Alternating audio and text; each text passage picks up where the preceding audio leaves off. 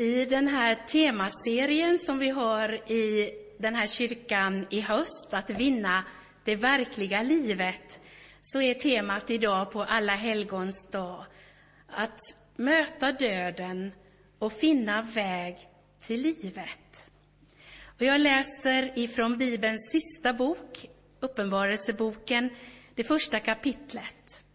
I vers 9 så står det Jag, Johannes, er broder, som i Jesus delar lidandet, kungavärdigheten och uthålligheten med er, hade kommit till ön Patmos för Guds ord, Guds ords och Jesu vittnesbörds skull. Och så berättas, om man läser hela stycket, jag ska läsa snart några verser till, men däremellan så beskrivs hur Johannes får göra erfarenheter som spränger tidens och rummets gränser. Han hör en röst som är stark som en basun, som kallar honom att skriva ner det han får ta del av och skicka till ett antal namngivna församlingar. Och när han vänder sig om för att se vem det är som talar till honom, så ser han den uppståndne, den förhärligade Jesus, i vars händer makten över framtiden finns. Det är en mycket stark skildring. Och den slutar med att Johannes ser Jesu ansikte, att det är som när solen lyser med full kraft. Och så fortsätter det i vers 17 till och med 19 i Uppenbarelsebokens första kapitel. När jag såg honom föll jag ner som död för hans fötter. Och han låg sin högra hand på mig och sa, var inte rädd. Jag är den förste och den siste och den som lever. Jag var död och se, jag lever i evigheters evighet och jag har nycklarna till döden och dödsriket. Skriv nu ner vad du har sett och vad som är och vad som ska ske här efter. Låt oss be. Gud, nu ber vi att du med din heliga Ande öppnar perspektiven för oss så att vi får se längre än det som vår kultur rymmer. Amen. Ja, Johannes han är inte på ön Patmos för en trevlig semester eller för att varva ner ett tag i en intensiv tjänst som pastor i församlingen i Efesos. Utan han är förvisad dit som fånge till hårt arbete i gruvorna. Han är där, skriver han själv då, för sitt vittnesbörd om Jesus, att han vill leva för och med Jesus. Han är en ledare i en kristen församling. Han delar lidandet med oss, skriver han. Den svåra behandlingen, oron för hans eget liv och hälsa, oron för nära och kära, hur det ska gå för församlingen han har tvingats lämna. Ja, säkert har han många gånger fått rapporter om och själv sett nära vänner dö. Unga människor och många för sin tros skull. Johannes är ju människa, han vet att sorgen behöver ha sin tid. Lidandet, smärtan är inget som hurtfriskt ska förnekas. Utan den är en verklig, det är en verklighet i den här världen. Men det finns en verklighet som är större än det begränsade synfält vi ofta har. Och det är det som Johannes delar med sig av, det perspektivet i Bibelns sista bok. Och det är lite som att gå ut ur novemberdimma när det är sådär riktigt dimmigt. Idag är det ju riktigt fint, men en sån där dag när man nästan inte ser handen framför sig. Till en riktigt klar septemberdag, när luften är kristallklar och det känns som man kan se nästan hur långt som helst. Och jag ska naturligtvis återkomma till vad det är Johannes ser och vill visa för oss. Men jag vill gå tillbaka lite och till det här temat, att möta döden och finna väg till livet. För jag tänker att det, det temat, det har liksom många dimensioner som ryms i det. Som Maria sa i inledningen så försöker ju vår kultur ofta städa undan döden. Att den inte ska ta någon plats. Många har idag aldrig suttit hos någon som tar sina sista andetag i det jordiska livet. Eller ens sett någon som är död.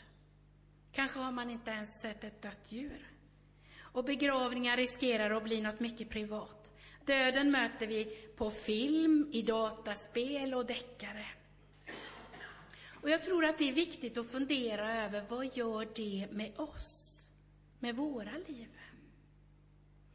Risken finns ju att vi blir ensamma, att vi är oförberedda när döden och när sorgen drabbar oss.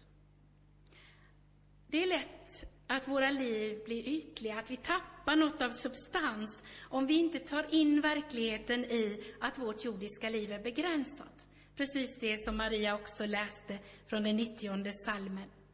Lär oss hur få våra dagar är, då vinner våra hjärtan vishet. Det finns många som vittnar om att när man själv eller någon närstående blev allvarligt sjuk eller man överlevde en svår olycka eller på något annat sätt liksom känner det som jag har fått livet tillbaka när det var riktigt hotat. Då inser man saker som man inte riktigt har sett innan. Och det är som att en del rädslor också kan släppa sin grepp, sitt grepp. Det är inte självklart att man vinner den visheten, men i eh, Tidningen Dagen Igår så var det nio extra sidor som har att göra med allhelgonatidens, eh, ja, att det är allhelgonatid. Och där finns bland annat en intervju med en läkare som heter Peter Stang, som också ska vara med i en tv-serie som SVT ska börja nu, som heter Döden, döden, döden. Och I den här intervjun så framgår det att eh, Peter själv drabbades av lungsjukdomen sarkoidos. Men han blev frisk. Eh, och så säger han, jag lärde mig att livet inte är självklart, utan en gåva som vi inte bör ta för given. Samtidigt insåg jag vad jag ville göra innan jag dör, och en av de sakerna var att skriva böcker. Och så har han skrivit flera böcker, bland annat den som har kommit i höst som heter Så länge vi lever.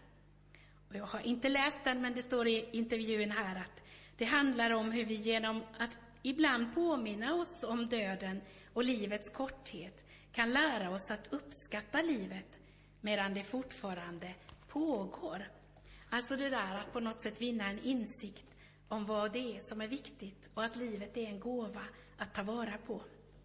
I tidningen Sändaren så finns det i den här veckans nummer eh, längst bak i tidningen en krönika av Per-Inge Lidén.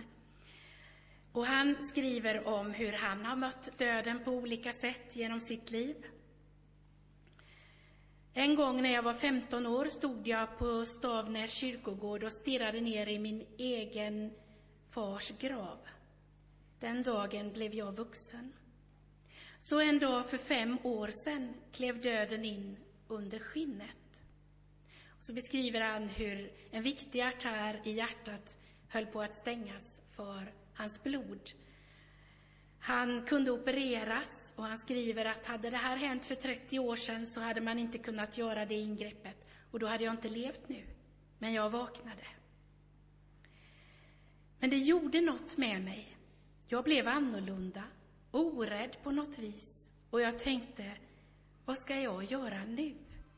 Med alla dagarna som kommer. Och så beskriver han att eh, det han har gått in i nu sen, bland annat som kommunalråd i Karlstad, att det kan inte vara värre än en sån operation.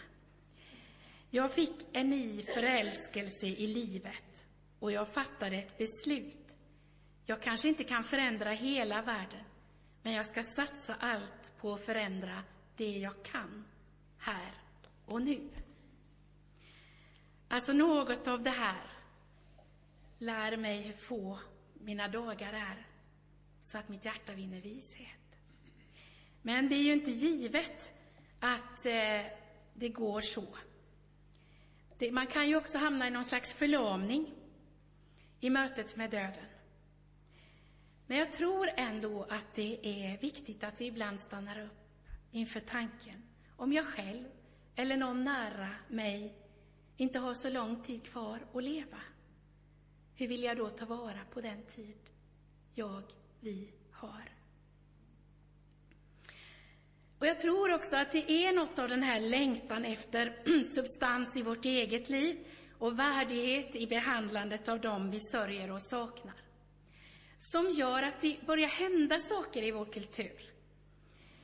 Christian Gidlunds sommarprogram när han eh, delade sitt liv med en obotlig sjukdom var ett av de allra mest lyssnade till när det sändes, men också i efterhand när han dött. Och nu är det väldigt många som lyssnar till Edvin Bergs låt I will be here. Den unga grabben med en stor röst som dog i cancer innan han hunnit fylla 20. Och jag tror också att detta att firandet av allhelgonahelgen, tända ljus, blir allt viktigare för allt fler, är någon slags uttryck för det här. Det räcker inte med halloween, med lite bus och godis för att mätta oss, utan vi behöver också stillhet, värdighet, ljus och hopp i mörkret. Döden och sorgen får ta plats och ge liksom också färg åt livet. Men där behövs budskapet som Johannes vill förmedla från Patmos. Om vi verkligen ska finna väg till livet i mötet med döden. Jag var död och se, jag lever i evigheters evighet och jag har nycklarna till döden och dödsriket. Det är Jesu hälsning till Johannes i hans fångenskap och det är Jesu hälsning till oss idag. Det finns människor som har berättat om vad de har sett och varit med om som kliniskt döda under en kortare tid. Och vi kan ju ha olika meningar om hur trovärdiga sådana berättelser är för att skildra en verklighet utanför den människan själv. Som kristen så tänker jag att det enda jag säkert kan förankra mitt hopp om att det här jordiska livet inte är allt. Det enda jag kan förankra det hoppet i är Jesus. Att han har gått genom döden till livet och säger att den som vill följa honom ska kunna gå med honom genom döden till livet. Han tog liksom nycklarna från döden som fångvaktare, kan öppna vägen till livet för alla som vill leva tillsammans med honom i hans rike. Och det här budskapet gestaltas starkt i det här kyrkorummet. Och jag brukar tänka på det nästan varje begravningsgudstjänst. Att det är som att det fyrkantiga och det inrutade i vår tillvaro, begränsningen på något sätt i tid och rum, genombryts här av Jesu kors och uppståndelsen. Och ljuset liksom bryter igenom, kan vi tänka symboliskt, från evighetens värld. Och vid korset och den tomma graven så finns i den här kyrkan dopplatsen. Och det är ingen tillfällighet. Det kristna dopet handlar om att följa Jesus, att förenas med Jesus genom döden till livet. Och det blir särskilt tydligt när den som döps sänks ner i vatten och är liksom dödens, kan drunkna där om inte den blir lyft upp till livet igen så är den som är döpt till Kristus del i en gemenskap med Jesus som handlar om att liksom följa Jesus genom hans död till det eviga livet. Så på sätt och vis har vi som är döpta till Kristus redan gått den vägen genom död till liv.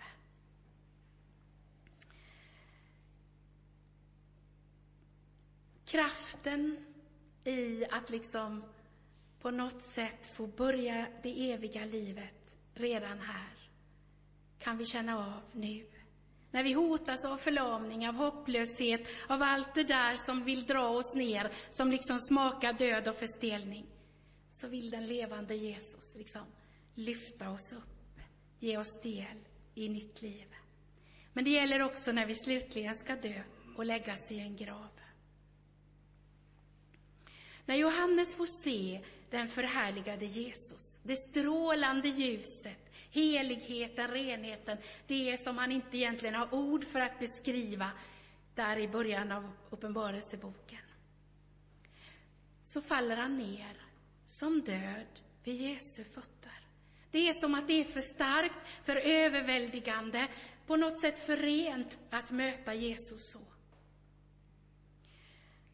Jag tror att Johannes känner så här, även om han har satsat mycket i sitt liv för att följa Jesus. Han har under åren Jesus gick omkring i, i, som människa i fysisk gestalt här på jorden, eh, levt nära Jesus.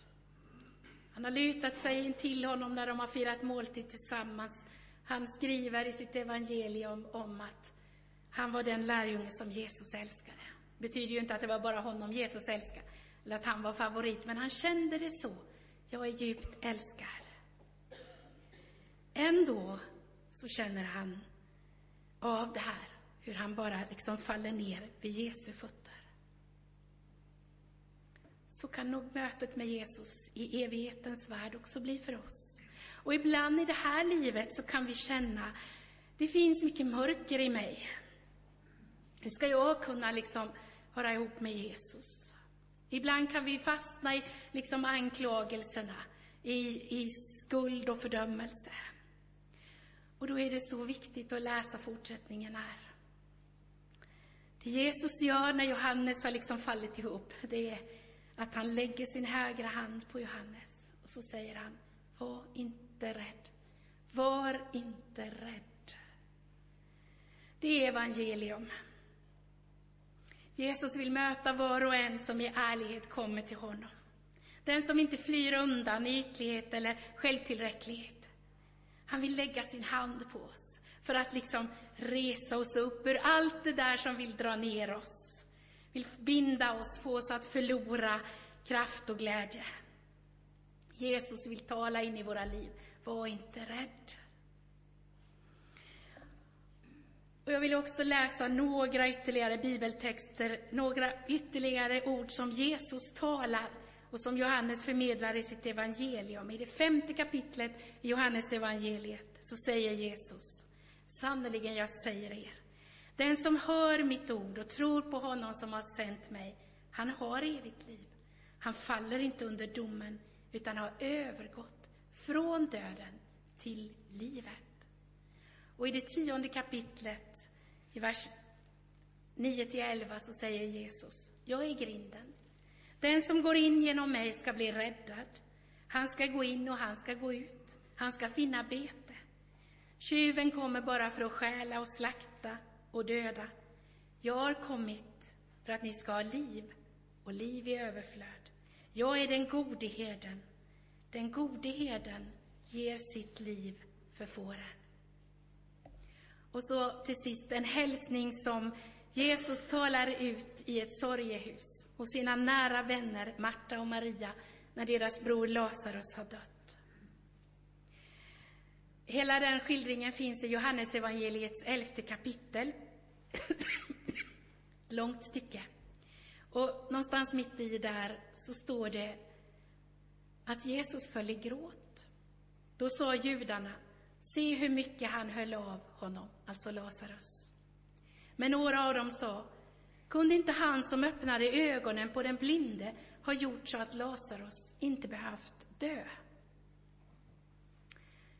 Det här säger ju några viktiga saker. Jesus, som är Gud, gråter med oss när vi gråter. Delar smärtan över det som har gått sönder.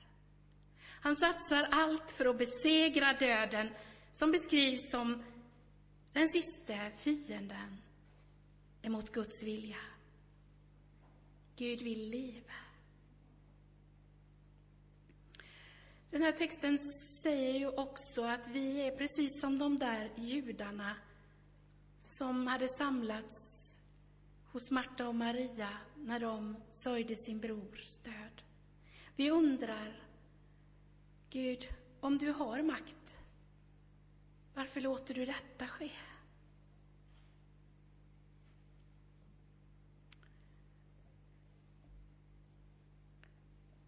Det som är viktigt med den här skildringen i Johannes evangeliets elfte kapitel, det är att den slutar inte med de här orden, utan det slutar med att Jesus ropar Lazarus ut ur graven. Han som redan hade börjat lukta lik kommer nu ut och på något sätt så luktar han av liv, av Guds nya skapelse, den som ska komma. Det är ett föregripande av den uppståndelse som väntar på uppståndelsens morgon. Ett hoppets tecken om Jesu makt över döden. Och det är ett hopp vi får hålla fast vid. Också när vi tycker att här kunde väl Gud ha visat mer av sin makt. Vi har inte sett hela historien än. När vi följer våra nära och kära till graven eller när vi själva ska läggas där en gång. Det är inte slutet på historien. Jesus har makt att ropa ut till livet, till en ny början där mörkret och döden och söndertrasandet, åtskiljandet, inlåsandet inte har makten längre. Det är för att göra det möjligt som Jesus dog och uppstod. Och så säger då Jesus till Marta i hennes sorgehus. Jag är uppståndelsen och livet. Den som tror på mig ska leva om han än dör. Och den som lever och tror på mig ska aldrig någonsin dö. Tror du detta? Nu ska vi snart få fira nattvard. Och det är en måltid där liksom tiden och rummets gränser också genombryts. Liksom Johannes i Bibelns sista bok så får vi liksom redan nu gå in i himlen, vara med i måltiden i Guds rike på andra sidan döden. Där det finns en plats för alla som vill ta emot en plats.